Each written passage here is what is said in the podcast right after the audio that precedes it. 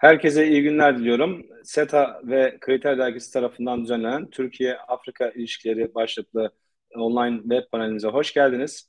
Bugün malum e, Türkiye-Afrika e, Ortaklık Zirvesi'nin üçüncüsü İstanbul'da gerçekleştirilmekte. Dolayısıyla e, Türkiye ve Afrika ilişkilerini derinlemesine tartışalım ve bu alanda e, söylenmesi gereken şeyleri bir kez daha vurgulayıp mesajlarımızı verelim istedik. Birbirinden değerli e, dört tane konuğumuz var ve e, bu konuklarımızın e, her birisi Afrika üzerinde e, uzman, Afrika üzerinde çalışan e, değerli akademisyenler, değerli araştırmacılar. Bu çerçevede şunu da ifade etmeden geçemeyeceğim. E, Kriter dergisinin aralık sayısı e, Afrika üzerine yakınımızdaki Afrika mottosuyla e, çıktı ve birbirinden e, kapsamlı ve Afrika-Türkiye ilişkilerini farklı boyutları ele alan yaklaşık 18 tane analiz içermekte. Bu dergiye de e, hem e, ilgili e, kitapçılardan hem de online olarak erişebilirsiniz. Bunu da belirtmek isterim. E, bugünkü web panelimizde e, dört tane konuğumuz var biraz önce ifade ettiğim gibi.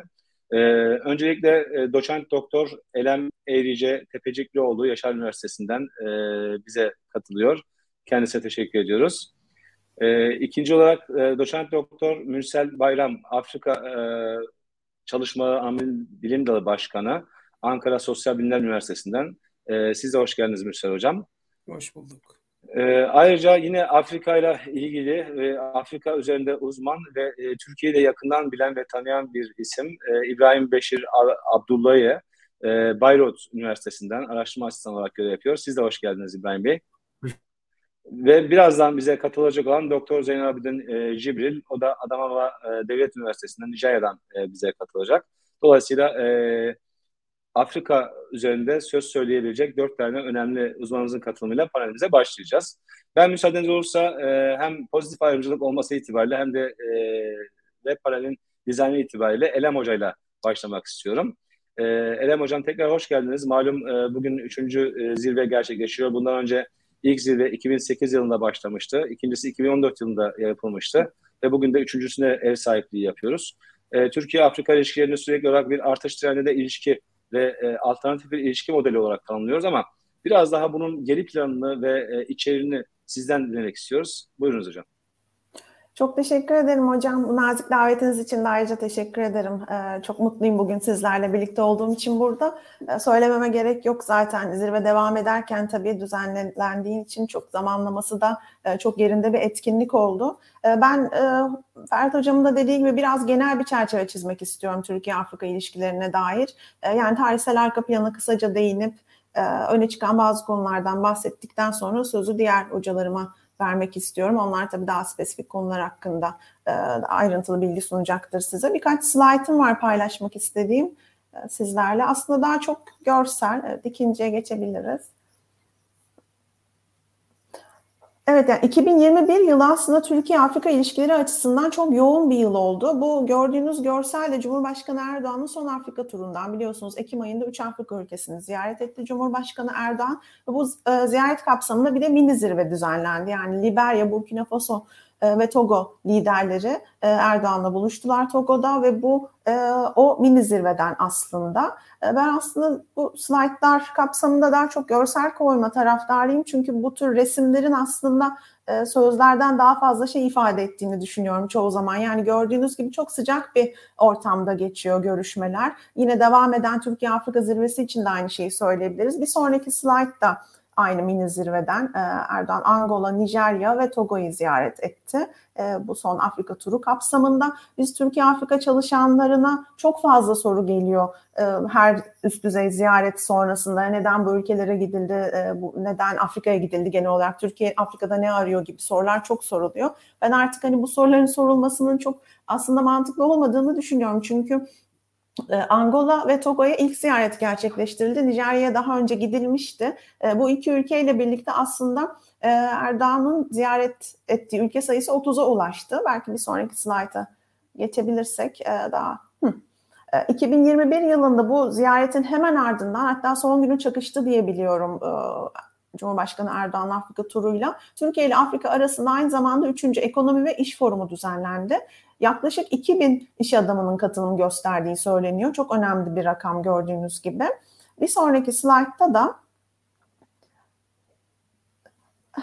E, bu zirveye biraz değinmek istiyorum aslında. Yine neden Türkiye Afrika ile zirve düzenleniyor sorusu da çok geliyor karşımıza. E, bu zirveler ilişkilerin kurumsal zeminini oluşturmasının yanı sıra aynı zamanda ikili ilişkileri geliştirme konusundaki kararlılığı, isteği gösteriyorlar ve belki de en önemlisi bu zirveler kapsamında çok fazla işbirliği anlaşması imzalanıyor. Mesela ilk zirve kapsamında 2008 yılında enerji konusu e, gündem gündemde değildi ama 2014 yılında en önemli gündem maddelerinden biri olarak karşımıza çıktı.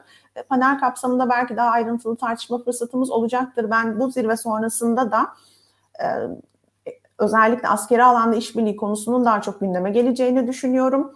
Takip etme fırsatınız oldu mu bilmiyorum. Sabah Dışişleri Bakanı Mevlüt Çavuşoğlu bakanlar toplantısını açtığında zirvede üç önemli e, konunun gündeme geleceğini söyledi daha çok. Yani öncelikli alanlar olarak. Bunlar tarım, sağlık ve eğitim konuları. Ama terörle mücadele konusunda da görüşüleceğini söylendi. Bu konuda Afrikalı ülkelere desteğin, verilen desteğin artırılacağı söylendi. Bu slaytı neden gösteriyorum? Yani Türkiye gördüğünüz gibi Afrikalı ülkelerle zirve düzenleyen tek ülke değil. Mürsel Hocam daha iyi bilecektir. Tabii o Çin Afrika'da çalışıyor.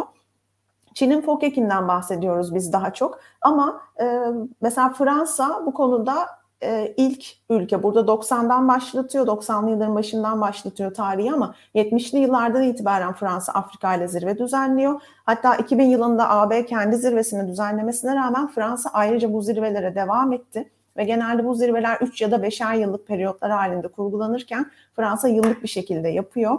E, gördüğünüz gibi bu da yani Fransa'nın Afrika'daki en etkin ülkelerden biri olduğu düşünüldüğünde aslında çok da şaşırtıcı değil belki ama Türkiye-Afrika zirvelerinin de beşer yıllık periyotlar halinde düzenlenmesi e, öngörülmüştü. Tabii pandemi nedeniyle bir gecikme yaşandı ama bir sonraki slayta gelebilirsek Türkiye Afrika'da ne arıyor diye düşündüğümüzde aslında Türkiye'nin Afrika politikası diğer kıta dışı aktörlerin Afrika politikasından çok da farklı değil. Yani ekonomik güdüler ön planda. Bu sadece Türkiye'ye özgü değil. Ancak tarihsel olarak baktığımızda aslında 60'lı yıllarda mesela biz genelde 98 yılındaki Afrika'ya açılım eylem planına referans veriyoruz. E, bu tabii mantıklı Türkiye-Afrika ilişkileri açısından bir dönüm noktası bu belgenin kabul edilmesi. Ancak 60'lı yıllarda da mesela özellikle Kıbrıs sorunu Birleşmiş Milletler gündemine geldiğinde Türkiye Afrikalı ülkelerle yakınlaşma çabalarında bulundu. Hatta bu dönemde iyi niyet heyetleri gönderildi Türkiye'nin Kıbrıs konusundaki e, tutumunu anlatması açısından dünyanın pek çok bölgesine oluşturulan 7 iyi niyet heyetinden 3'ü Afrikalı ülkelere gönderilmişti. Bu dönemde Afrika ile yakınlaşma çabalarında siyasi sahipler tabii ön plandaydı gördüğünüz gibi.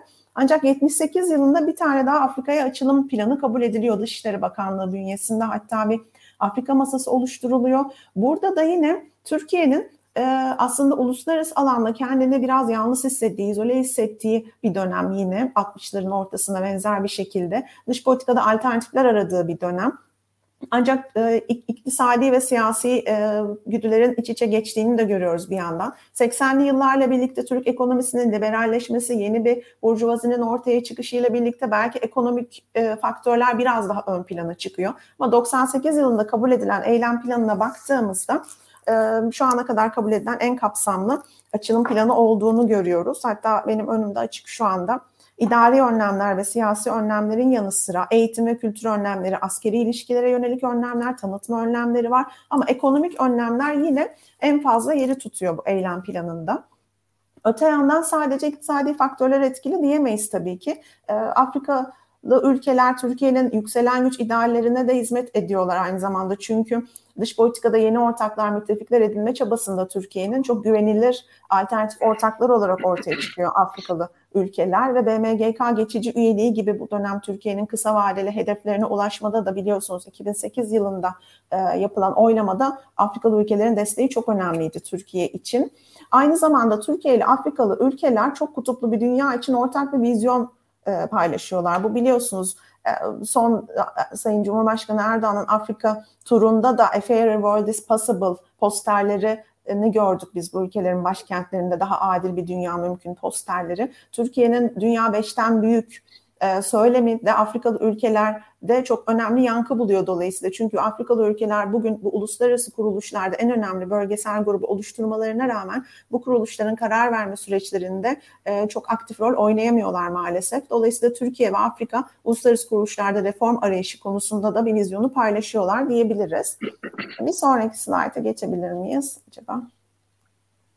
Tarihsel ilişkilerde de bu özellikle Kuzey Afrika ile Afrika boynuzuyla biliyorsunuz Osmanlı döneminden gelen bir geçmişi var Türkiye'nin. Özellikle e, resmi söylemlerde bu sömürgeci olmayan tarihi, kölelik geçmişinin olmamasında çok büyük bir vurgu olduğunu görüyoruz. Öte yandan üst düzey ziyaretler, bu zirveler gibi toplantılar, diplomatik temsilcilikler bunlar da Afrikalı ülkelerle ilişkileri geliştirmek için kullanılan araçlar. Ancak yumuşak güç araçlarıyla sert güç araçlarının aslında birlikte e, iç içe geçtiğini görüyoruz son zamanlarda. Yani Türkiye Afrika politikasını uygulamada çok akıllıca bir şekilde ilk başta yumuşak güç araçlarına odaklandı. E, ben hatta hala Türkiye'nin Afrika politikasında askeri faktörlerin belirleyici rol oynadığını düşünmüyorum açıkçası daha doğrusu.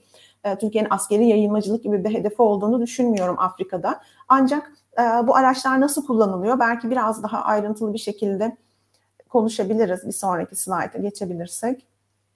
Bu ziyaretler önemli dediğim gibi. Ee, yani Türkiye'nin bu ülkelerdeki görünürlüğünün artmasında önemli. Ee, diplomatik temsilcilerin sayısının artışıyla birlikte. Ben bu rakamlara çok odaklanmak istemiyorum.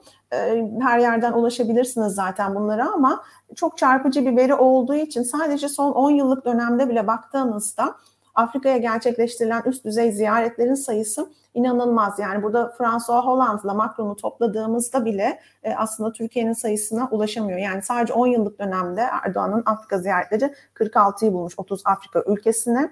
Bir sonraki slaytta e, bu rakamlara dair daha ayrıntılı bilgi bulabilirsiniz. Ee, Anadolu Ajansı çok güzel infografikler hazırladı bu zirve kapsamında da Cumhurbaşkanı Erdoğan'ın son turu kapsamında da. Bu dediğim gibi ayrıntılı bir şekilde girmeyeceğim ama Türkiye'nin Afrika'daki etkinliğinin ne kadar farklı araçlar üzerinden yürüdüğünü daha iyi görebiliyoruz burada. Sadece diplomatik temsilcilikler, üst düzey ziyaretler değil aynı zamanda TİKA'nın ofisleri, Yunus Emre Enstitüsü'nün e, kültürel merkezleri ya da Türk Hava Yolları'nın uçuşları bir sonraki slayta geçebilir miyiz? Bunlar hep Türkiye'nin Afrika'daki görünürlüğünü artırıyor. Bu yumuşak güç araçları olarak tanımlanan bunlar, bu araçlarda da ticari ilişkiler tabii ön plana çıkıyor. Ancak insani kalkınma yardımlarında da TİKA tabii ki Türkiye'nin uluslararası yardım ajansı olduğu için en ön planda burada ama Türk Kızılayı, AFAD, Diyanet İşleri Başkanlığı, Diyanet Vakfı ile birlikte yine yardım faaliyetlerinde bulunuyor. Türk STK'ları da doğrudan aslında kriz bölgelerinde yerinde müdahalede yaparak Türkiye'nin görünürlüğünü artırıyorlar.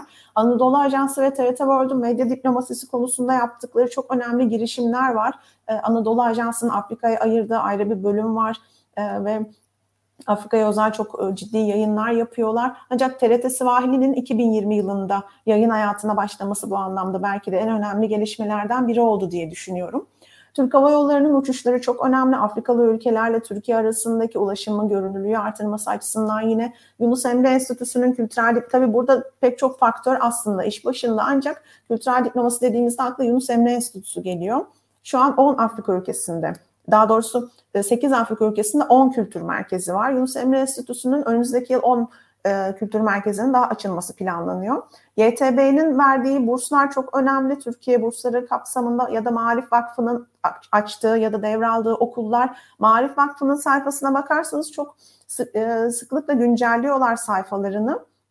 En son baktığımda 175 okul vardı e, çeşitli Afrika ülkelerinde ya da Türk STK'ları yine Diyanet Vakfı da Afrikalı öğrencilere önemli burslar sağlıyorlar. Diyanet de yine TİKA ile birlikte ve STK'larla birlikte dini diplomasi faaliyetlerinde bulunuyor. Diyanet'in ayrıca kendi zirvesi var Müslüman liderlerle.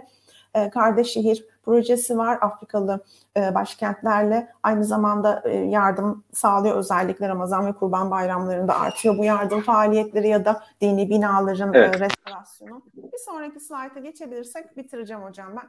Bu, bu ticaret hacmiyle ilgili bir şey koydum ne kadar geliştiğini görebiliriz belki daha iyi diye. Çünkü 5-6 kat artış gösteriyor ama daha da artma potansiyeli var diye düşünüyorum.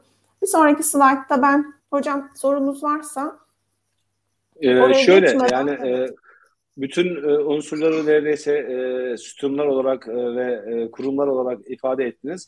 Biraz da hocam e, bunların e, Afrika'daki karşılığından bahsederseniz çünkü biraz daha az süremiz kaldı sizin e, ayırdığınız. Tabii. Ama tabii soru cevap kısmında e, yer vereceğiz yine cevaplarınıza. Bu arada müsaadenizle e, izleyiciler açısından şunu ifade etmek isterim. E, YouTube'dan, Facebook'tan ve Periskop'tan sorularınız varsa e, yorum kısmına sorularınızı e, hangi hoca yönelttiğinizde ifade edecek şekilde yazarsanız e, etkinlik sonunda soru cevap kısmında memnuniyetle sorularınızı cevaplarız. Buyurunuz hocam.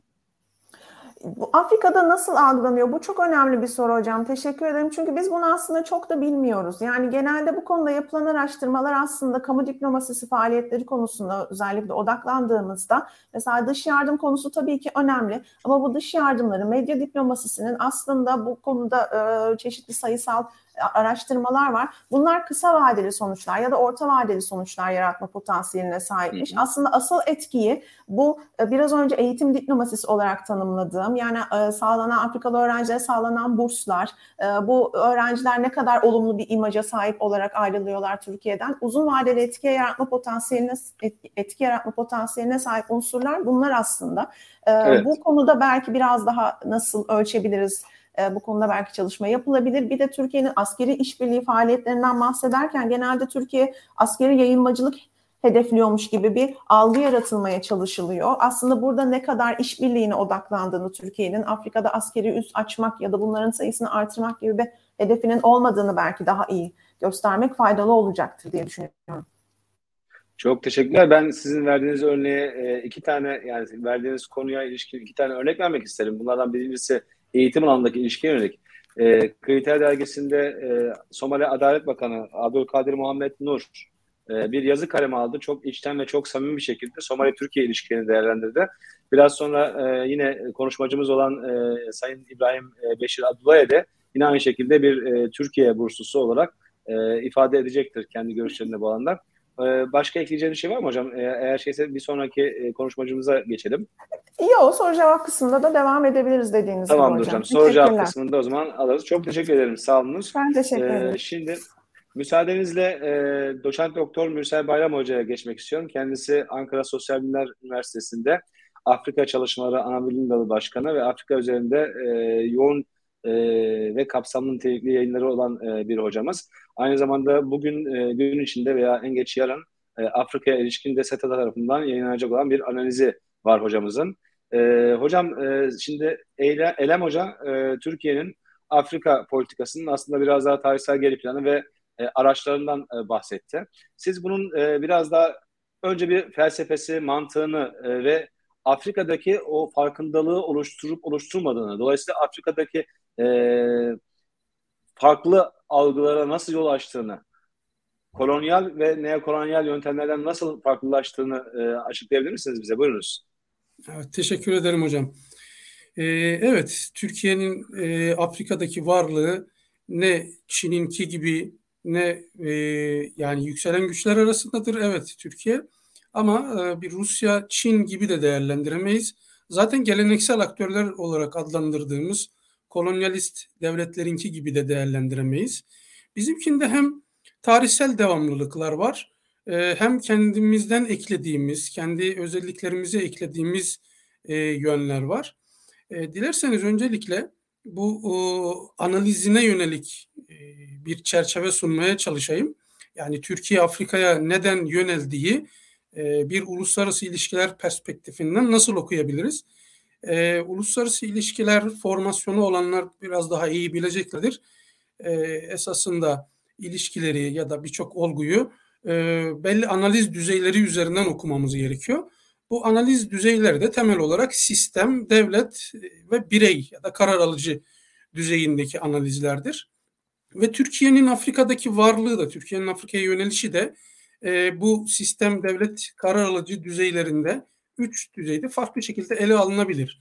Örneğin sistem düzeyinde ele alacak olsak e, Türkiye'nin Soğuk Savaş dönemindeki e, iki kutuplu sistemde Batı blokunu tercih etmiş olması Türkiye açısından belli kısıtlılıklar doğurmuştur.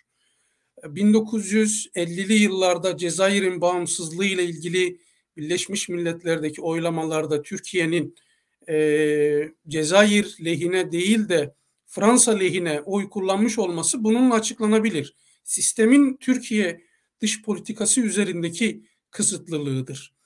E, fakat küresel siyasette bu soğuk savaş mantığı ortadan kalktıkça Türkiye'nin de Afrika ile bağlarında bir güçlenme görüyoruz.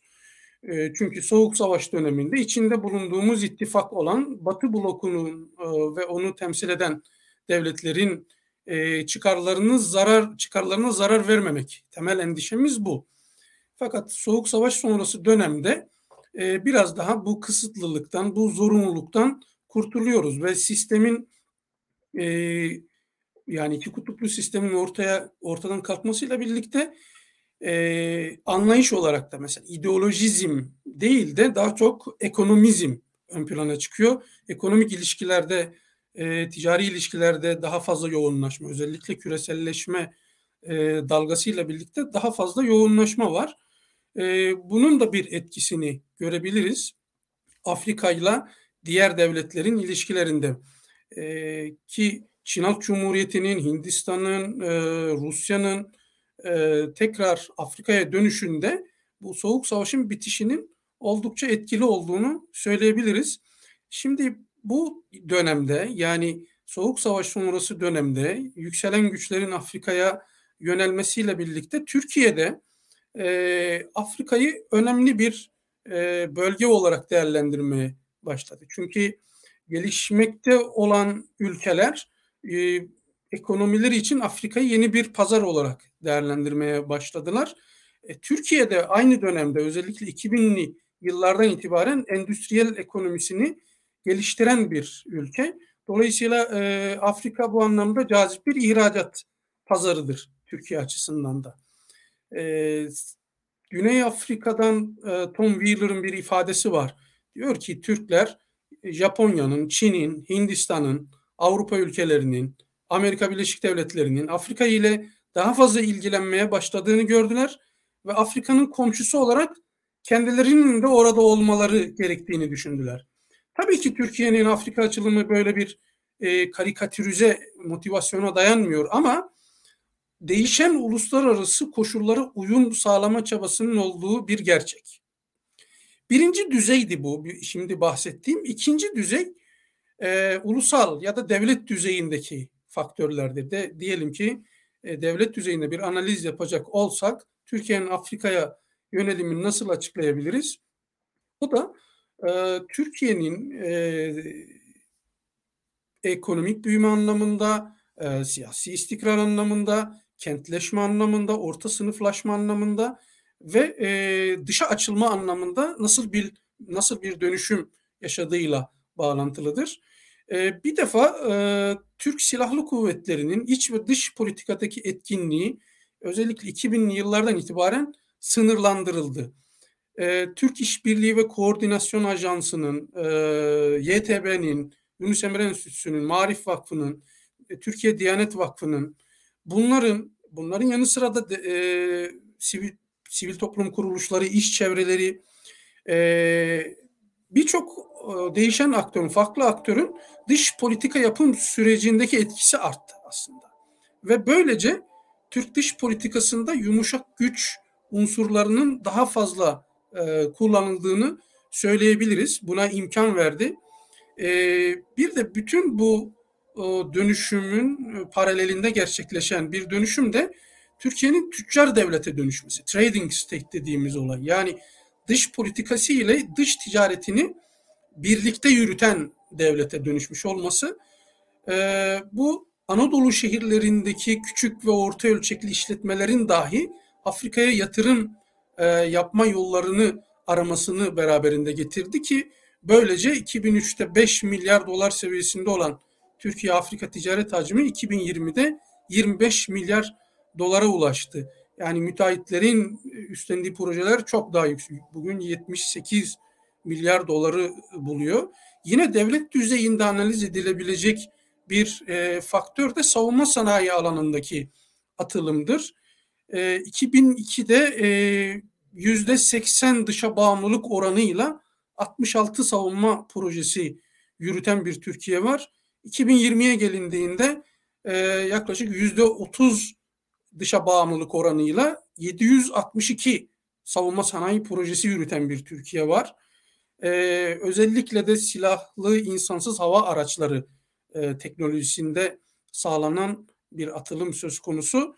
E, terörle mücadelede adından söz ettiren bir Türkiye var ve bu terörle mücadeleye öykünen Afrika ülkelerine e, Türkiye'nin e, cazip bir ortak, cazip bir tedarikçi olmasını sağladı. Son analiz e, düzeyde birey düzeyinde ya da karar alıcı düzeyindeki e, analizdir. Çünkü bütün bu e, politika bireysel perspektiften yani siyasilerin perspektifinden bağımsız değil. Elem Hocam'ın bahsettiği 1970'lerin sonundaki mesela ilk e, açılım programı e, Dışişleri Bakanı Ahmet Gündüz Ökçün tarafından e, uygulamaya konuluyor 1978'de. E, fakat e, istikrarsız dönem olduğu için yani bir yıl kadar Dışişleri Bakanı yapabildiği için e, Ökçün bunun e, faaliyete geçmesi e, çok zor. Yani 1980 darbesi de üzerine geliyor. Akamete uğruyor. İkincisi bildiğiniz gibi 98'de Dışişleri Bakanı İsmail Cem'in girişimiyle hazırlanan açılım eylem planı. E, bu da biliyorsunuz daha sonra koalisyon hükümetleri 2001 krizi hem siyasi hem iktisadi krizler nedeniyle e, uygulanması mümkün olmayan bir plandı. Bunun uygulanması 2002 sonrasında Adalet ve Kalkınma Partisi'nin iktidara gelmesiyle birlikte yani iktidar bu Adalet ve Kalkınma Partisi'nin iktidara gelmesi hem siyasi iktisadi istikrarı temin etme anlamında e, bir e, ivme yakalıyor Türkiye'ye hem de bu istikrarın ivmesiyle dünyaya açılma konusunda vizyoner bir liderlik sergiliyor. E, o dönemde Dışişleri Bakanı olan e, Davutoğlu'ndan belki kısaca söz etmek lazım. Çünkü e, hem 21. yüzyılın başlarının bir Asya yüzyılı olacağı, e, sonlarının ise Afrika yüzyılı olacağına dair ve dış politika yapım sürecinde, psikolojisinde bir değişim olması gerektiğini e, ve Avrupa Birliği dışındaki bölgelerle ilişki kurmanın önemine dair e, oldukça teorik düzeyde e, bilgiler ortaya koymuştu e, ve Afrika'yı küçümsemenin Türkiye ölçeğinde bir bölgesel güç için mazur görülemez bir zaaf olduğunu belirtmişti. Tabii bu teorik zemin üzerinde şekillenen e, Afrika politikasının pratikteki uygulayıcısı e, Recep Tayyip Erdoğan oldu. Yani gerek başbakanlığı süresince gerek cumhurbaşkanlığı süresince e, esasında bir lider diplomasisi uyguladı. Yani bugün e, Afrika'yı ziyaret eden, en fazla ziyaret eden e, lider olmasıyla bunu görüyoruz ki Afrika'da da bu karşılık buluyor. E, Togo Cumhurbaşkanı For Nasingbe'nin böyle bir ifadesi var. Diyor ki şimdiye kadar kıta dışından Afrika'yı bu kadar ziyaret eden bir lider görmedik.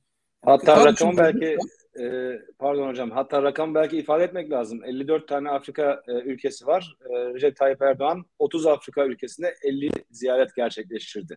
E, Afrika liderlerin Türkiye gelişlerini saymıyoruz bile.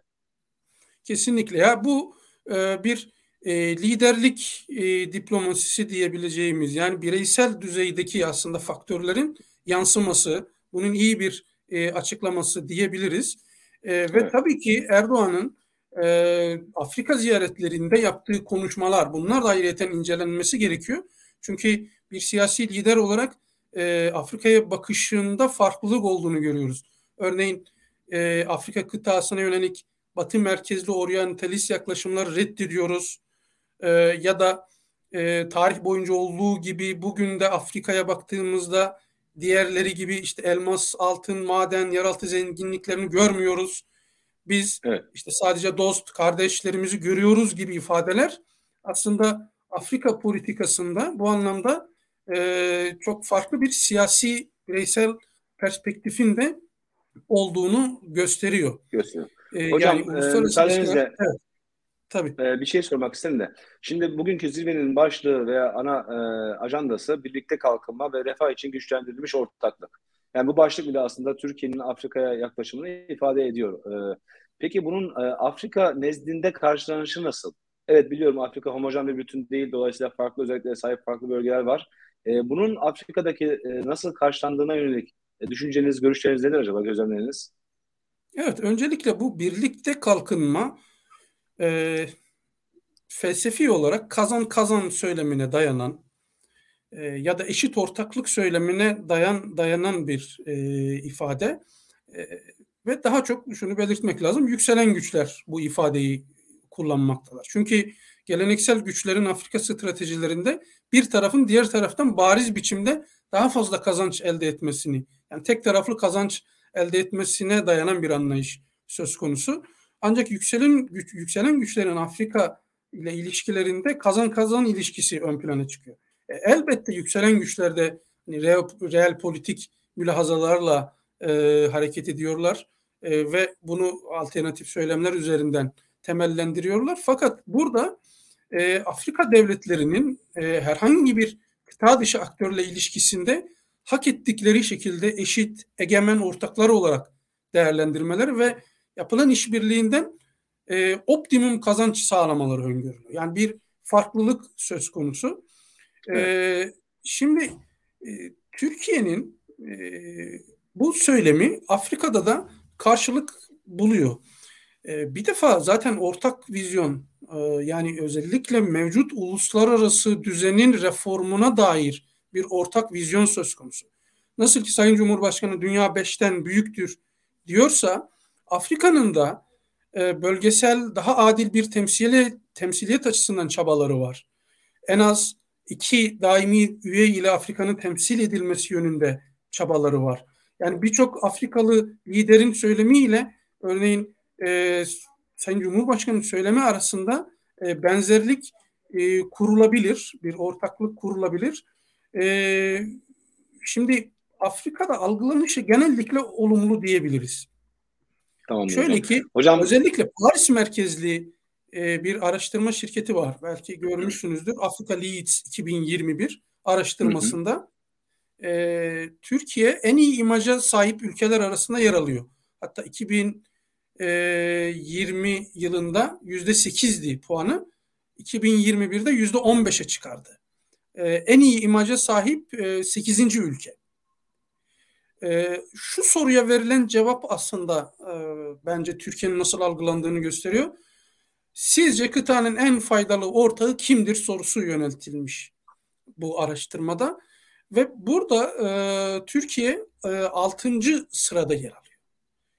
E, evet. Yani Çin var, Amerika var, Kanada var, Almanya var, Japonya, İngiltere sonra Türkiye geliyor. Yani Japonya, İngiltere'den sonra Türkiye geliyor.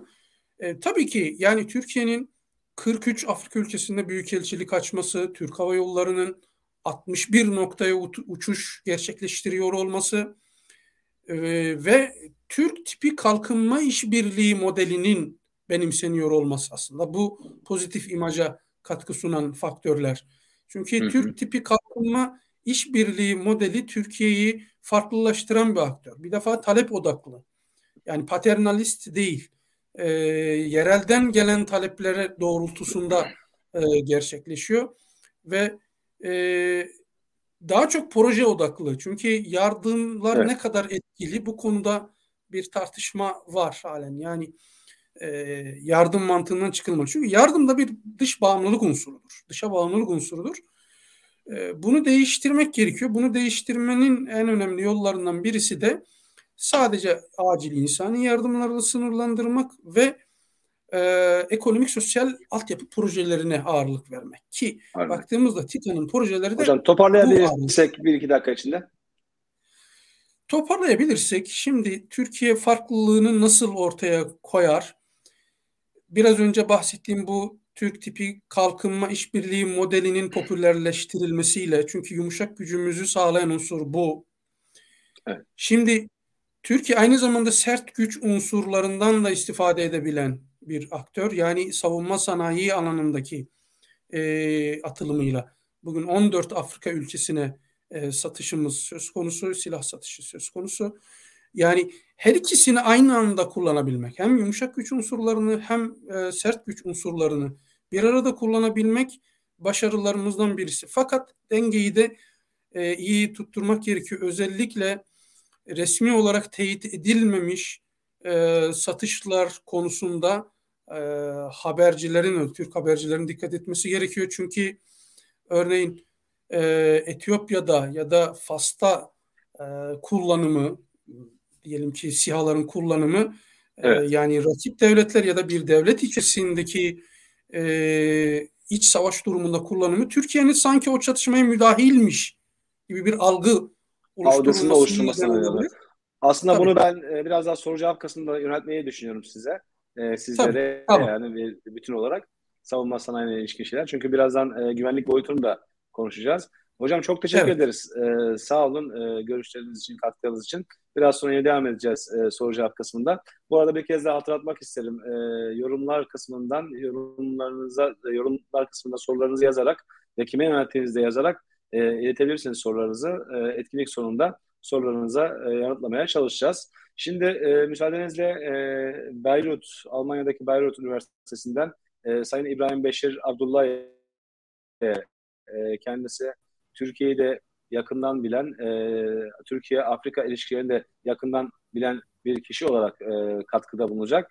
Ve aslında biraz önce ifade edilen birçok e, unsuru bizzat e, müşahede ederek, yaşayarak, çalışarak bilen bir kişi. Kendisi de bu anlamda çok nitelikli analizleri e, yazmış olan, kaleme almış olan bir kişi. E, hoş geldiniz siz de tekrar İbrahim Bey.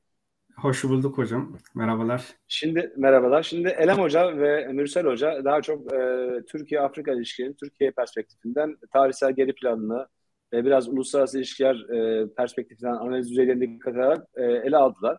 Ama hani sadece Türkiye'nin Afrika'ya bakışını ele almayalım ama aynı zamanda Afrika'daki e, Türkiye'ye bakışı ama özellikle de spesifik olarak güvenlik konusu e, önemli son dönemde e, daha ön plana çıkan bir konu olarak yer alıyor. Evet Türkiye'nin yumuşak güç anlamında çok fazla e, araçları var, enstrümanlar var ve bu enstrümanlar büyük ölçüde kıtada da bir farkındalık oluşturuyor. Ama son dönemde farkındalık oluşturmaya çalışan e, veya oluşturan unsurdan bir tanesi de güvenlik alanında ve e, bunu ifade ederken de e, biraz da bize şunu açmanızı isteyeceğim.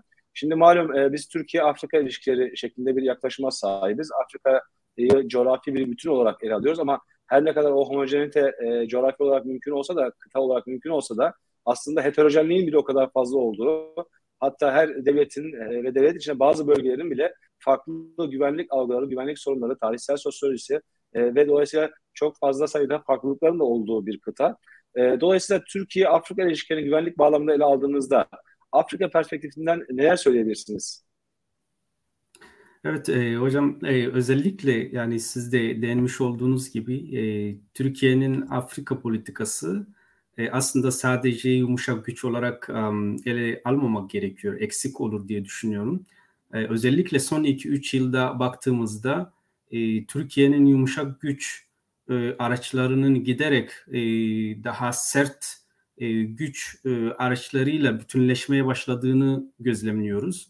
E, bu anlamda e, yapılan birçok e, askeri ve e, savunma anlaşmaları söz konusu. E, ve tabii sizin de bahsettiğiniz gibi sadece e, yani Afrika genel olarak ele almaktan ziyade e, ülkeden ülkeye değişmekte. Çünkü ülkelerin e, kendi sorunları var.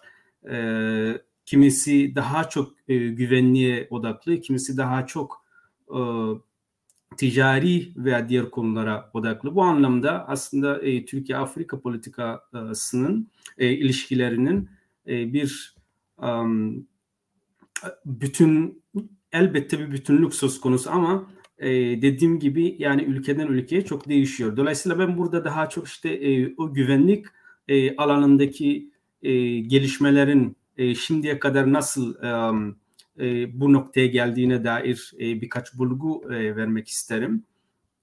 Tabii aslında tarihsel olarak baktığımızda Türkiye'nin e, Afrika'ya yönelik e, güvenlik anlamında girişimleri e, yeni değil. Özellikle e, 90'lardan itibaren e, tem, temasların uluslararası angajmanlar ve özellikle BM barış gücü kapsamında e, Türkiye'nin dahil olduğunu e, ve Afrika'da bir varlık e, gösterdiğini söylemek mümkün. Tabii bunu 2000'lere kadar devam etti. Ardından 2000'lerden itibaren e, polis, jandarma ve askeri eğitim e, programlarına e, yönelik e, çalışmaların başlandığı, e, ikili işbirliğinin e, işbirliği anlaşmalarının imzalandığını e, söylemek mümkün. Tabii ardından bunun e, akabinde askeri ekipman ve e, silah satışlarına e, başlandığına e, da söylemek mümkün. E, ardından bu aşama e, gelindiğinde artık Türkiye'nin e, Afrika'da bir askeri varlığının aslında söz konusu olmaya başladı. Özellikle 2007'den itibaren Somali'de açılan e, askeri eğitim e, komutanlığının e, söz konusu. Dolayısıyla e, Türkiye'nin bu anlamda e, iki, ikili işbirliği bağlamında bir askeri varlığı göstermesi e, Afrika politikası açısından aslında bir dönüm noktası olduğunu söylemek mümkün. Ve e, sizin de takdir edeceğiniz gibi geçtiğimiz e, zamanlarda 2019'un e, sonunda Türkiye'nin e, Libya yönelik askeri operasyonda e, askerin göndermesi daha doğrusu e, söz konusu oldu ve bununla birlikte artık e, Türkiye'nin Afrika'da bir asker varlığı e, söz konusu oldu. Tabii bunun e, dediğim gibi bu tarihsel arka planının yanında e, Türkiye'nin nasıl bir strateji izlediğini e, söyleyecek olursak özellikle sahada bunu nasıl gerçekleştirdiğini e, dair e, konuşacak olursak e, özellikle askeri eğitim e, bunun ön plana e, çıktığını görüyoruz. E, Türkiye'nin işte Milli Savunma e, Üniversitesi var, e, Polis Akademisi, e, gibi kurumlarda e, özellikle Afrika ile yapılan işbirliği e, bağlamında e, Afrika polislerinin, güvenlik güçlerinin ve askerlerin Türkiye'de eğitim alması söz konusu. Tabii e, şimdiye kadar bakacak olursak mesela e, sadece e, Türk Milli e, Savunma Bak e, Üniversitesi'nde yetişmiş e, Afrikalı askerlerin sayısı 2017-18 arasında 290 e, olduğu söyleniyor. Dolayısıyla bunu önemli bir rakam e, ki Somali'de zaten Mogadishu'da e, Somali askerlerine yönelik e, eğitimler devam ediyor. Aynı zamanda Libya'da e, Libyalı askerlere yönelik e, eğitimler devam ediyor. E, dolayısıyla Türkiye aslında e, giderek politikasının yumuş, e, yumuşak güçten e, sert güce e, doğru demek yerine aslında bunun bir bütünleşme ve ikisinin giderek arttığını e, gözlemliyoruz. Tabii son e, aylarda e, önemli e, bir konu daha e, gündeme geldi. E, Türkiye'nin e, silahlı insansız hava araçları söz konusu. E, tabii bunun e, önce işte birkaç medyada e, Fas'la, e, Etiyopya ile e, bir, bu anlamda bir anlaşma yapıldığı söz konusu. Her ne kadar iki taraftan da, resmi kaynaklardan bir açıklama olmamış olsa e, bunun e, bir gerçekliği payın yüksek olduğunu söylemek mümkün. Dolayısıyla Türkiye'nin aslında sanayi an, e, sanayi anlamında geldiği nokta um, Afrika ülkelerinin özellikle e, güvenlik sorunlarını e, yaşadık yani özellikle yaşadıkları güvenlik sorunlarının giderek artması e, ikisini yan yana getirdiğimizde aslında bu um, hem Türkiye hem Afrika ülkelerinin bu anlamda e, birbirlerine muhtaç olduklarını söylemek e, mümkün. Tabii bunu sadece e, aslında e, yani sihalar değil yani sihaların yanında işte Kobra gibi e, zırhlı araçlar var. Ondan sonra um, e, Metat gibi um, yani uzaktan kumandalı e, mayın temizleme araçları söz konusu ve yine e, askeri ekipmanlar gibi Türkiye-Afrika ilişkileri bağlamında güvenlik ve e, güvenlik ve savunma anlamında bu konuların yani özellikle bu araçlarının e, öne çıktığını söylemek mümkün. Tabi Afrika perspektifinden baktığımız zaman e, özellikle Batı Afrika'da sahil bölgesinde e, yaşanan terör olaylarının giderek artması e, bu ülkelerin önceliği artık güvenlik e, haline geldi. Dolayısıyla dış politika anlamında da bu ülkelerin önceliği güvenlik olması hasebiyle Türkiye ile ilişkilerinde de güvenliğin öne çıkması anlamında bir gelişim söz konusu. Tabii bunun Türkiye'nin e, tabii sadece o e, askeri ve savunma an, e, ilişkilerinin sadece savunma anlamında, güvenlik anlamında e, görmekten ziyade yine ekonominin de önemli bir pay olduğu söz konusu. Çünkü e, Türk sanayisinin, e, savunma sanayisinin aynı zamanda bir ticari yönü olduğunu dikkate aldığımız zaman e, bunun Türkiye'nin e, Afrika'ya yönelik bir pazarı yani savunma pazarı e, yönelik e, hamle olarak da da görmemiz e, mümkün. Tabii e, dediğim gibi yani bunu sadece e, bir e, güvenlik perspektifinden de bakmak eksik olur. Sadece dış politika sadece yumuşak güç anlamından da bakmak da eksik olur. Dolayısıyla bu ikisinin birleşmesi ve ikisinin de giderek artması Türkiye'nin Afrika'daki konumunun daha da stratejik hale getireceği e, açıktır. Yani e, gördüğümüz gibi mesela e, geçtiğimiz aylarda e, Nijerya'dan e, Zamfara eyaleti başkanı e, Türkiye ziyaretinde yine sihaların konuşulduğu özellikle e, bunun satışıyla ilgili görüşmelerin gerçekleştiğine dair e, eyalet başkanından bir açıklama geldi. Evet. E, bu anlamda yani evet. birçok düzeyde birçok ülke sadece bu sayım ülkeleri değil yani e, Ruanda'nın da da benzer girişimlerde olduğu e, söz konusu.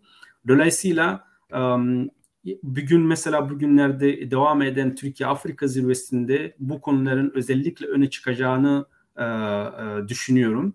E, hem Nijerya Cumhurbaşkanı Muhammed Buhari'nin de e, katılması söz konusu ki geçtiğimiz aylarda e, Recep Tayyip Erdoğan'ın e, Abuja ziyaretinde yine güvenlik anlamında e, Nijerya'ya her anlamda destek verebileceklerini e, ifade etmişti.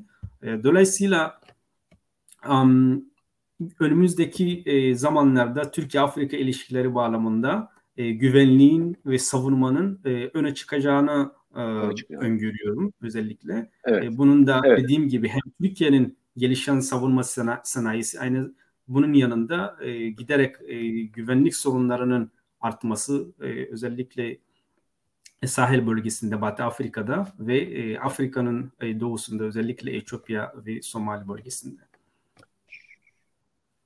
Şöyle bir soru yöneltmek isterim. Şimdi e, malum Türkiye'nin son dönemdeki savunma sanayi hamlesi e, hem e, Afrika'da hem de diğer coğrafyalarda daha çok e, SİHA'lar üzerinden, drone diplomasisi veya dronlar üzerinden değerlendiriliyor. Siz bunun farklı boyutlarda da olduğunu ama tabii ki dronların daha ön planda olduğunu söylediniz.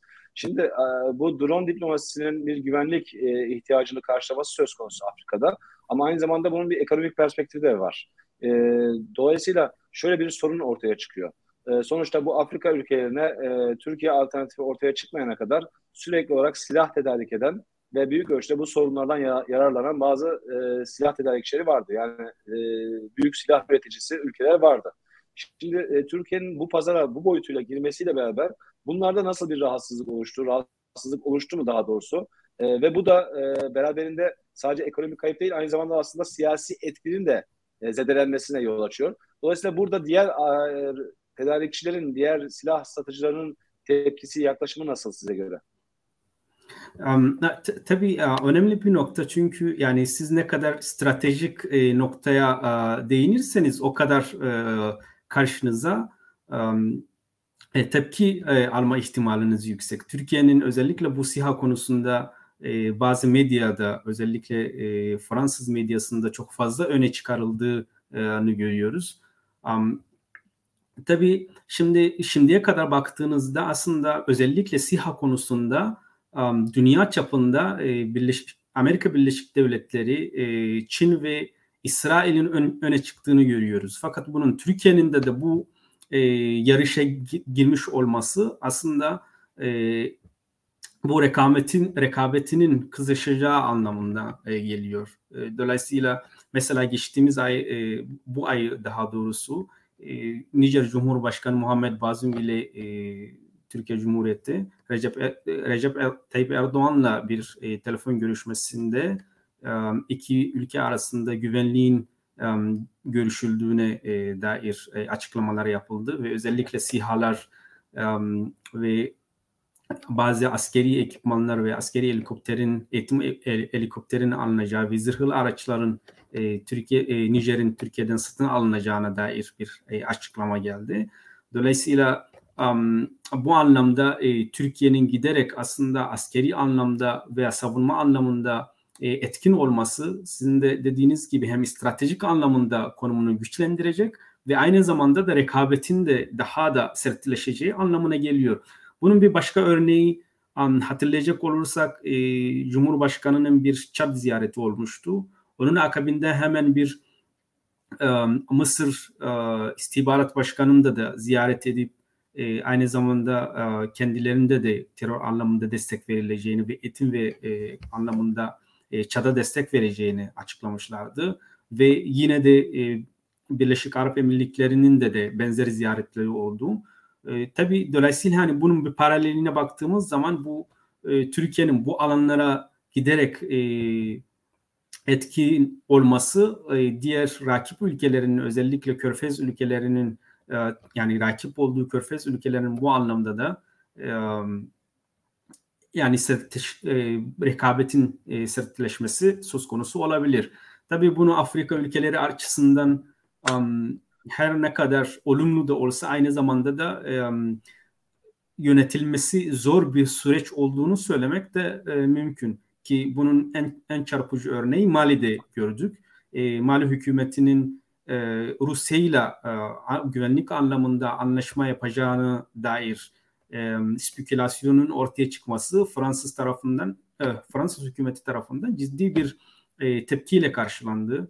E, Fransız um, e, Ordu e, Bakanı e, Mali'ye gidip bunun kesinlikle izin vermeyeceğine e, dair açıklamalarda bulundu. Dolayısıyla Türkiye'nin de bu anlamda güvenlik anlamında fazla um, angajmana girmesi bu ülke özellikle Fransa gibi ülkelerle karşı karşıya geleceği e, söylemek e, mümkün hocam. Mümkün.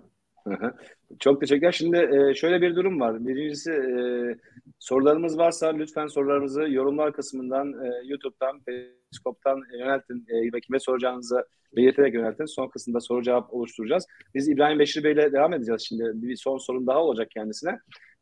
Şimdi malum Afrika'da biz biraz önce ifade ettiğim gibi her ne kadar bütüncül bir Afrika portresi çizmeye çalışıyor olsak da her bir e, bölgenin ve devletin kendisine has problemleri var.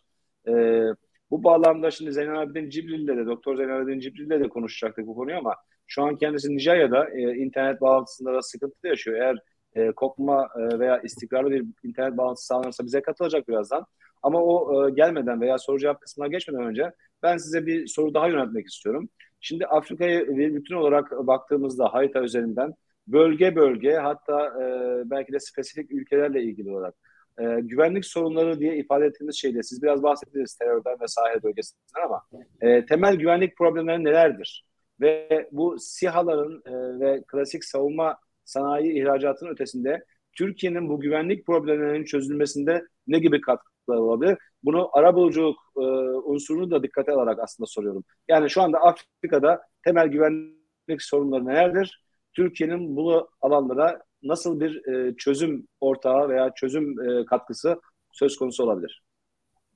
Evet, e, tabii güvenlik e, anlamında e, baktığımızda şu an öne çıkan mesele terör meselesidir. Özellikle e, Sahel bölgesinde uluslararası e, anlamında da e, birçok işte Fransa, e, Amerika Birleşik Devletleri ve Almanya gibi birçok ülkenin de varlığını gösterdiği terörle mücadele kapsamında e, bölgede bulunduklarını e, e, bulunduklarını söylemek mümkün. Dolayısıyla um, birinci öncelik e, terör meselesi ve bu terör meselesi sadece Batı Afrika ülkeleri ilgilendirmiyor aslında baktığınız zaman hem um, Kuzey Afrika ülkeleri de işte özellikle e, Cezayir e, ve Libya gibi ülkeler e, işte sahil bölgesiyle sınır e, paylaşan ülkeler ve Batı Afrika genelinde de aslında baktığımız zaman işte e, Orta Afrika, e, Orta Afrika e, söz konusu özellikle Çat, e, Kamerun, Nijerya ve Nijer arasındaki işte Boko Haram'ın bulunduğu bölgede e, terör meselesi var. E, bunun yanında işte e, Doğu Afrika'ya baktığımız zaman da e, benzer sorunlarını e, olduğunu görüyoruz. Özellikle Somali bölgesinde Al-Shabaab'la birlikte ve son um, son bir yılda Etiyopya'da e, ortaya çıkan e, iç karışıklığının da her ne kadar terör de olmasa yani işte TPLF ile federal hükümeti arasında yaşanan iç savaş söz konusu. Genel olarak bunlar ve özellikle zaten Kongo tarafında işte devam eden isyancı gruplar söz konusu. Mozambik'te yine terör meselesi söz konusu son 2-3 yılda. Genel olarak baktığımızda aslında güvenlik sorunu dediğimiz şu an gündemde olan bunlar. Türkiye'nin dediğiniz gibi bunun sihalarla birlikte e, bu oyun değiştirici bir rol oynaması mümkün. Özellikle Etiyopya'da e, bunu söylemek mümkün. Etiyopya çünkü terörle mücadele konusunda um, her ne kadar um, asimetrik bir savaş olsa da e, doğrudan e, isyancı gruplarla çatışma bunun çok daha farklı bir boyutu olabilir ve SİHA gibi e, insansız silahlı araçlarının daha etkin olabileceği e, söylemek mümkün. E, bu anlamda dediğim gibi e, Türkiye sadece dediğiniz siz de e, değindiğiniz gibi yani sadece bir um, silah tedarikçisi değil de aynı zamanda bunu Türkiye e, bir oyuncu aslında haline getiriyor. İşte ara buluculuk e, söz konusu oldu e, Etiyopya meselesinde. Türkiye'nin böyle bir um, teklifi söz konusu.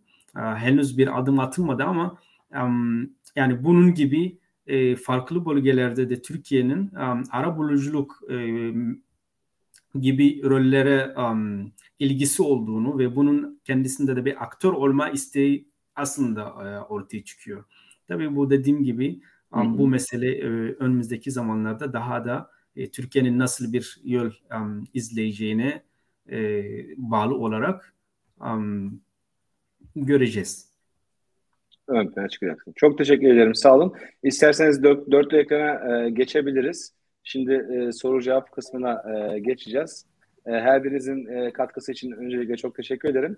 Şimdi aslında ben e, önce genel bir soruyla başlamak istiyorum. E, yine Elem Hocam, Mürsel Hoca ve sonra İbrahim Beşir Bey ile devam edecek şekilde.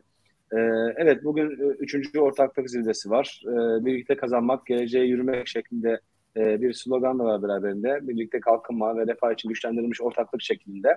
Bundan sonraki dönemde e, Türkiye-Afrika ilişkileri nereye doğru gidiyor diye genel bir soru sormak istiyorum. Çünkü ilişkilerin çok boyutlu e, yapısı var. Bu boyutlardan özellikle güvenlik üzerine değindik.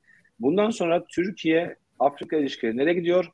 Ve bununla ilişkili olarak e, karşımıza çıkabilecek riskler ve fırsatlar nelerdir? Elem Hocam isterseniz sizle başlayalım. Buyurunuz. Teşekkür ederim hocam. Bu sorunuza cevap verip daha sonra İHA'larla ilgili ben de ufak bir şey eklemek isterim izniniz Tabii. olursa. Zaten size yönelik bir soru var. Onu da evet. yapmamış olursunuz. Teşekkür ederim tekrar. Ee, Türkiye-Afrika ilişkileri zirveler özelinde bakarsak ilk zirvede mesela enerji konusu hiç gündemde değildi. Yani bu zirveler kapsamında çok çeşitli işbirliği anlaşmaları imzalanıyor Afrikalı ülkelerle ama aynı zamanda deklarasyonlar da kabul edilip geleceğe yönelik bir yol haritası çizilmeye çalışılıyor. Yani önümüzdeki 5 yıl içinde ilişkilerin geliştirilmesi için neler yapabiliriz? 2008 yılında İstanbul Deklara imzalanan İstanbul Deklarasyonu'nda enerji konusu hiç yoktu. Zaten Türk enerji şirketleri çok aktif değildi kıtada. Evet inşaat şirketlerinin altyapı yatırımlarında bulunduğunu biliyoruz 70'lerin başından itibaren ama 2014 yılındaki zirveyle enerji konusu bir anda çok gündeme geldi ve hatta en önemli gündem maddelerinden biri oldu. Sizin de dediğiniz gibi askeri işbirliği, savunma işbirliği konusu önümüzdeki dönemde bu zirve sonrasında daha çok gündeme gelecektir diye düşünüyorum. Çünkü Dışişleri Bakanı Çavuşoğlu biraz önce de bahsettim sağlık, tarım ve eğitim konularının öncelikli olduğunu söyledi bu zirve kapsamında. Belki zirvenin teması yani kalkınma konusuna odaklanması nedeniyle de ama terörle mücadele konusunun da önemli olduğunu söyledi. Hatta biz ben bu kadar katılım beklemiyordum açıkçası çünkü ilk zirveye 6, ikinci zirveye 7 e, ama bu zirveye yani pandemiye rağmen 16 Afrika devlet ya da hükümet başkanı katılım göstermiş ve yüzden fazla da bakanın katılım gösterdiğini görüyoruz. Dolayısıyla ilişkiler daha ileri noktalara evrilecektir. Farklı alanları kapsayacak şekilde yani savunma işbirliği, enerji, e, bütün bu konular birbiriyle çok bağlantılı. İHA'lar ya da SİHA'lar ya da daha popüler e, terimiyle Türk dronlarının satışı çok gündemde şu anda tabii ki. Ee, özellikle Cumhurbaşkanı Erdoğan'ın son Afrika turundan sonra da bize çok geldi bu sorular ve sizin de dediğiniz gibi Fransız medyası bunu hep drone diplomasisi olarak e, tanımlıyor. E, şimdi bu konu neden gündeme geldi? Ben sunumun başında çok konuşmasaydım belki bu askeri hususlara biraz daha değinme fırsatım olacaktı. E, ama İbrahim Beşir Abdülü'ye de bahsetti. Yani Türkiye'nin aslında askeri işbirliği faaliyetleri 90'lara dayanıyor. Yani e, Türkiye çok yeniymiş gibi gözüküyor ama bu korsanlıkla mücadele kapsamında kurulan Birleşik Görev Kuvveti'nin 6 kez komutanlığını yaptı mesela Türkiye Somali açıklarında faaliyet gösteren. Yine Somali'deki evet. ilk Birleşmiş Milletler misyonunun ilk komutanı da bir Türk. Ee, ama bu konulara çok vurgu yapılmıyor. Genelde bu İHA satışı gündemde. Bu da neden? Türkiye bu konuda bir kere çok bu alanda yeni bir aktör. Ee, sizin de dediğiniz gibi hocam Rusya en önemli silah tedarikçisi Afrikalı ülkelerin %50'sini Rusya'nın karşıladığı söyleniyor. Sonrasında ABD, Çin, Fransa gibi e, ülkeler geliyor. Türkiye'nin etkisi bu alanda bu ülkelerle karşılaştırıldığında çok fazla değil ama e, Türk dronları daha ucuz daha e, makul fiyatlarda özellikle bu e, Fransız ya da Çin mallarıyla karşılaştırıldığında ya da mesela Rusya'ya baktığımızda Rusya Sovyetler döneminden kalan silahların hala modernizasyonunu bakımını sağlıyor Afrikalı ülkelere ve bu anlamda da bir bağımlılık ilişkisi kurulmuş durumda. Ancak Türkiye teknoloji transferi sağlayacağını da söylüyor Afrikalı ülkelere. Yani ben bu silahları satıyorum. Genelde bu teknoloji transferi konusu silah satışlarının bir unsuru olmaz. Ee, yani e, çünkü karşılıklı bağımlılık durumunun devamı öngörülür, öngörülür ya da istenir. Dolayısıyla Türkiye ben bunu satıyorum ama teknolojiyi de size sağlayacağım, gerekli desteği de sağlayacağım iddiasında ve aynı zamanda Afrikalı ülkelerin bu alandaki ortaklarını çeşitlendirme konusunda da önemli bir alternatif sunuyor. Herhangi bir siyasi kritere bağlamıyor silah satışını.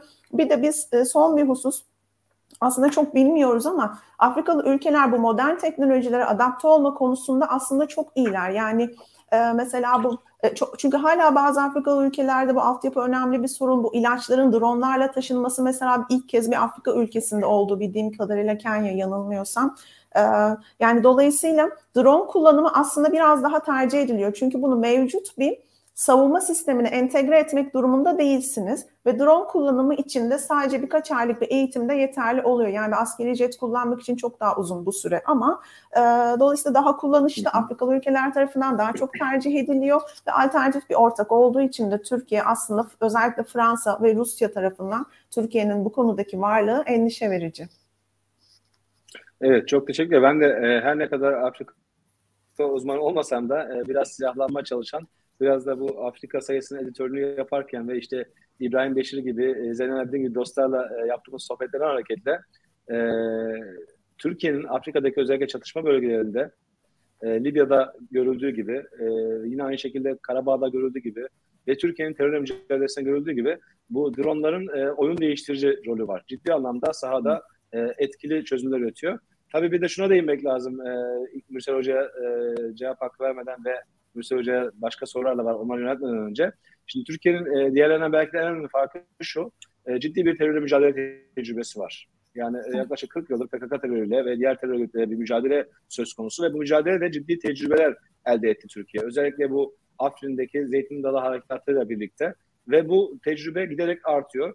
Afrika ülkelerinde özellikle sorun yaşayan ülkelerde aslında bir çözüm ortağı oluyor Türkiye. Yani net kısa vadeli daha hızlı çözümler üretiyor. Diğer ülkeler ise e, dediğiniz gibi e, son kullanıcı kısıtlamalarını ağır şartlara bağlarken, çok yüksek maliyetlere bağlarken ve beraberinde çok fazla siyasi taviz beklerken Türkiye'nin bu yaklaşımı e, tabii ki bir farklılık oluşturuyor. Şimdi Mürsel Hocam e, size yönelttiğim genel sorun yanı sıra aslında e, bu panelde değinmediğiniz bir nokta var. Biraz da o üzerinde e, bir 4-5 dakikalık süre içinde cevaplamanızı istiyorum toplamda. Şimdi e, evet kolonyal güçlerin e, bir ilişkisi var. O bağımlılık ilişkisini devam ettirmek istiyorlar. Biraz önce Fransa örneği üzerinde konuştuk.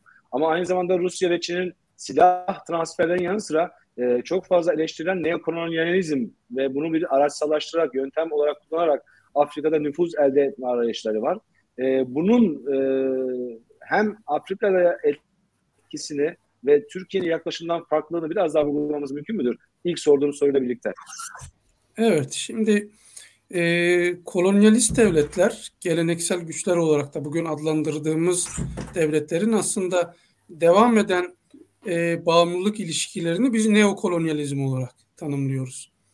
E, yani Fransa'nın mesela eski e, sömürgeleriyle ilişkileri bir neokolonyalist ilişki tarzıdır. E, ancak Rusya'nın Çin'in ilişkilerinde e, bu neokolonyalizm eleştirisi olmakla birlikte acaba kendilerinden başka unsurlarla bir bağımlılık oluşturabiliyorlar mı? E, bunu incelememiz lazım. Çünkü e, ben Çin örneğinde mesela e, neotribüterizm tanımlamasını önerebilirim. Yani yeni haraççılık. Çünkü Çin'in geçmişinde daha e, küçük devletlerle ilişkilerine görülen şey haraç ilişkisidir. Yani tribüter tarzdaki ilişkidir. Bugünkü ilişki tarzı da biraz ona yakın. Yani karşılıklı olarak e, yine e, bağlayacak, birbirine bağlayacak e, araçlar içeriyor bu neo-tribüter ilişki biçimi. E, şimdi Rusya'da mesela Elem Hoca da bahsetti. Yani bugün evet çoğun ilk sırada Rusya gelir aslında. Ben en son hatırladığım veri yüzde otuz beş. Afrika'nın e, silah ithalatında yüzde otuz beş e, Rusya yüzde yirmi Çin sonra e, ABD Fransa diye devam ediyor. Şimdi o da e, daha önce Soğuk Savaş döneminde alınan özellikle 1960-80 arası dönemde alınan silahların modernizasyonu için e, Afrika devletleri aslında bir anlamda bu askeri bağımlılığı devam ettirmiş oluyorlar. Yani Kuzey Kore ile bile böyle bir şey var bakarsanız. Yani eski dönem Soğuk Savaş döneminde alınan e, ilişkilerin şey silahların mesela e, bakımı için mecburen e, Pyongyang rejimiyle ilişki kurmak zorunda kalan devletler var. Uganda gibi. Evet.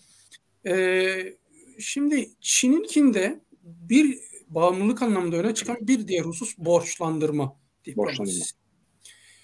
Yani buna borç tuzağı diplomasisi de deniliyor. Çünkü Çin yeni bir sermaye merkezi. Afrika devletlerinin en büyük ticaret ortağı e, Afrika ekonomik olarak şu an domine eden güç Çin. E, bu da işte Çin yeni bir e, emperyal güç mü oluyor e, şeklindeki tartışmalara yol açtı. Aslında bu batıdaki tartışmalar Çin karşıtlığı üzerinden. Bunu belirtelim. Yani e, biz ortada durmamız gerekiyor. Bizim için e, burada durum e, ne batılı güçler ne Çin, Rusya. E, onların evet. yani batılı devletlerin Çin ya da Rusya'ya yönelik ya da Türkiye'ye de aynı şekilde e, söylemlerinde e, ya da e, yazılarında daha çok bu tehdit kapasitesini artırma mantığı var. Yani yoksa dahi öyle bir durum yoksa dahi bunu büyütme. Çünkü onun e, tehdit olarak algılanmasını yerelde daha fazla tehdit olarak algılanmasını evet. artırma yönünde bir çaba söz konusu. E, şimdi Çin için de bunu söyleyebiliriz yani. Çin yeni bir işte neo emperyal güç müdür vesaire. Bunu daha objektif değerlendirmek gerekirse e, bir denge oluşturmuş durumda bir defa. Yani batılı devletlerin oluşturduğu bağımlılık ilişkilerine karşı yeni bir ilişki biçimi öngörmüş. Bunda bağımlılık oluşturabilecek temel unsur borçlardır, dış borçlardır ama bu e, yani sadece Afrika devletleri Çin'e borçlu değil. Amerika Birleşik Devletleri'nin de Çin'e çok yüksek miktarda borcu var. Türkiye'nin de diğer devletlerinde. Burada asıl mesele Afrika devletleri bu borçları ödeyebilir mi ödeyemez mi? Uzun vadeli borçlar çünkü.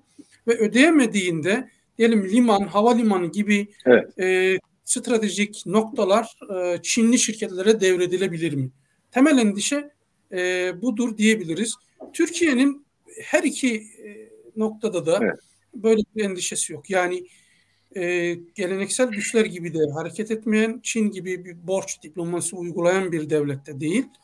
Dolayısıyla ikisinin arasından evet. e, bu Hocam bu noktada sahip. Bu noktada şeyi söylemek isterim. Bu kriter dergisinin e, Aralık sayısında Burhanettin Duran'ın e, bir çerçevesi var.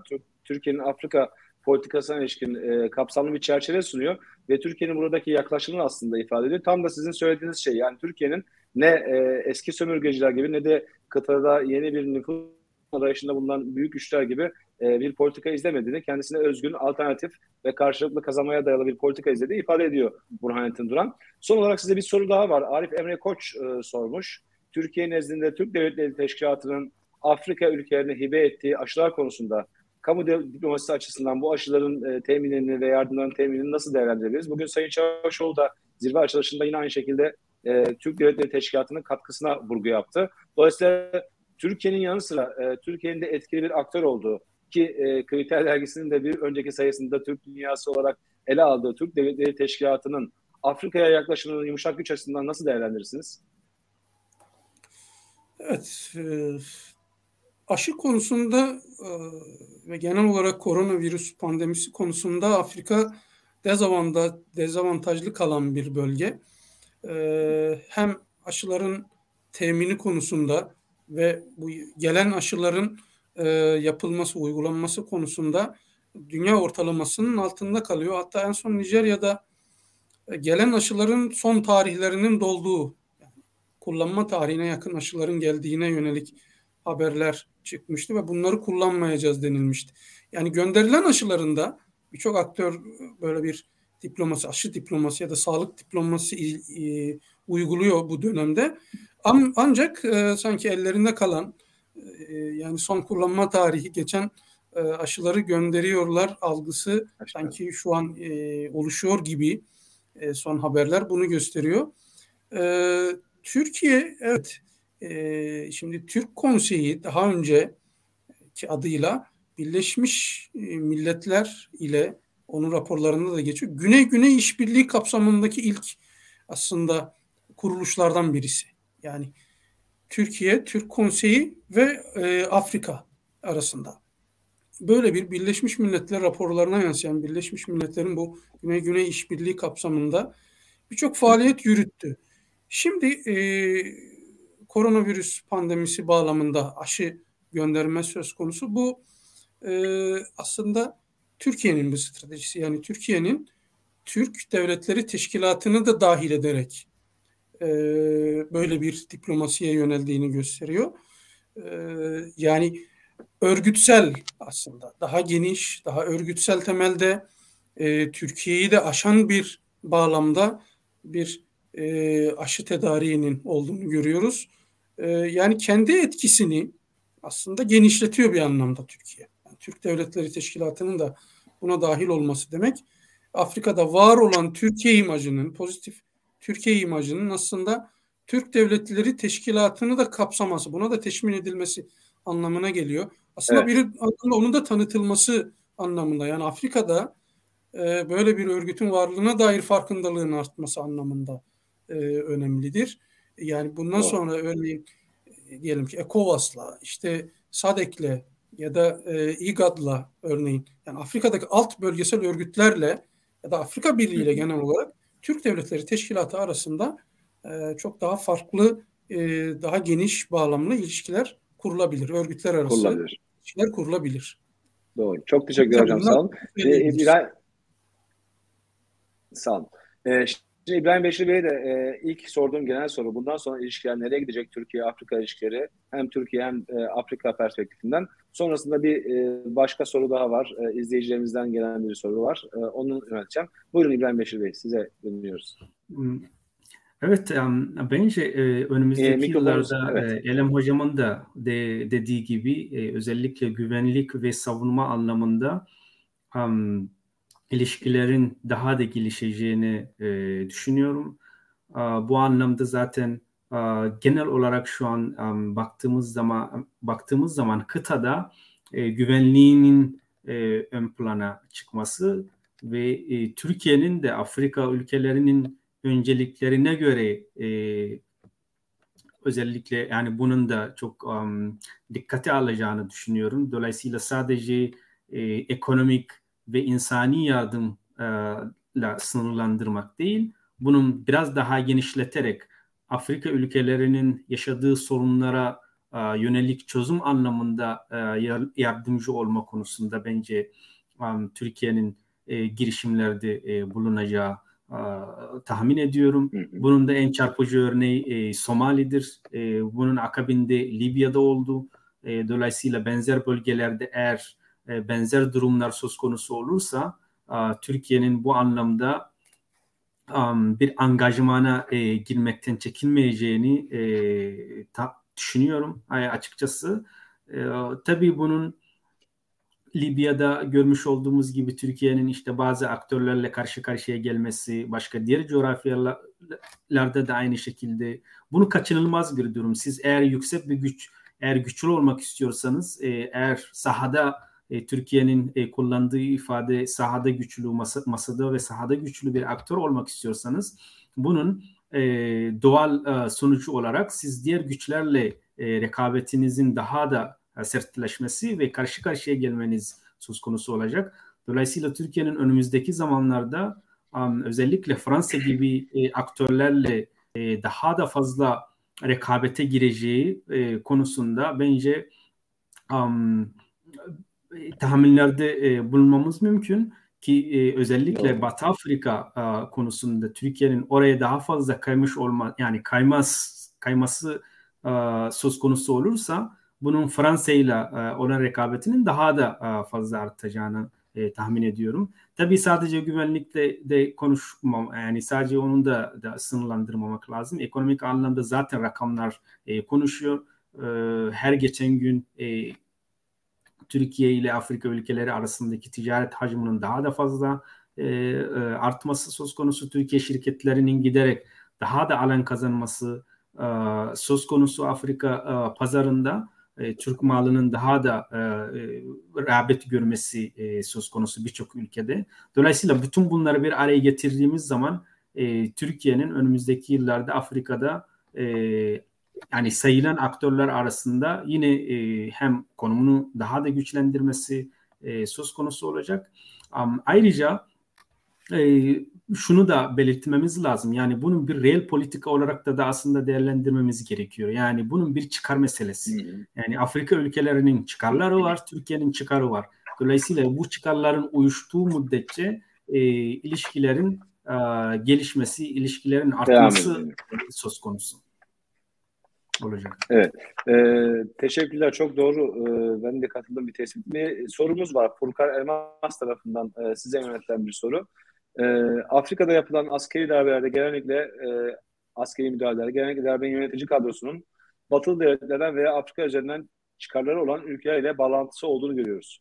Peki özellikle Afrika kıtasının birçok ülkesine askeri ve güvenlik eğitimi, Türkiye'nin askeri ve güvenlik eğitimi vermesi, bu darbelerin azalması veya e, askeri müdahaleye son verilmesi anlamına gelir mi? Veya buna bir katkı sağlayabilir mi? Yani Türkiye'nin askeri eğitimler vermesi e, askeri unsurların siyasete müdahalesinde engelleyici bir faktör olarak rol oynayabilir mi? Um, bence doğrudan uh, rol oynaması um, zor e, çünkü bunun hı hı. aslında bu uh, darbelerin bu askeri eğitimle alakası olmadığını düşünüyorum. E, bunun tamamen e, ülkenin e, siyaseti ve e, iç dinamikleri ve bazen de belki e, dış dinamiklerle bunun bağlantılı olarak e, ortaya çıkan bir durum e, askeri darbeler. E, mesela baktığımız zaman e, Mali'de yaşanan son askeri darbede e, askerlerin her ne kadar bazı yani önemli bir kısmı e, Rusya'da eğitim görmüş olsa da e, Fransa'da, Amerika Birleşik Devletleri'nde ve birçok e, dünya ülkelerinde e, askeri eğitim almış e, subaylar e, söz konusu. Dolayısıyla um, bence e, askeri um, derbeden ziyade o ülkelerinin um, güven, iç güvenliği sağlaması anlamında ve kurumsal anlamında e, güçlenmesinde e, katkı sağlayacak e, Türkiye'nin e, Afrika askerlerine yönelik vereceği eğitimle alakalı. Dolayısıyla doğrudan bir e, askeri darbeyle alakalı uh, alakası olduğunu açıkçası um, düşünmüyorum. Yani ihtimali çok düşük olduğunu e, düşünüyorum. Evet çok teşekkürler sağ olun. E, bize ayrılan sürenin sonuna geldik. Bugün e, malum e, 3. Türkiye-Afrika Ortaklık Zirvesi nedeniyle Türkiye-Afrika ilişkilerine e, yönelik bir web panel gerçekleştirdik. Kriter dergisiyle birlikte. E, dolayısıyla SETA olarak Afrika'ya ilişkin yayınlarımız e, devam ediyor ve e, bundan sonra da bu önümüzdeki günlerde devam edecek. E, her bir hocamıza, doçent doktor Elem Eğrice Tepeciklioğlu hocamıza, doçent doktor Mürsel Bayram hocamıza, doktor İbrahim Beşir Abdülay hocamıza çok teşekkür ediyorum. E, sağ olun. İzleyicilerimize sabırlar için teşekkür ediyorum.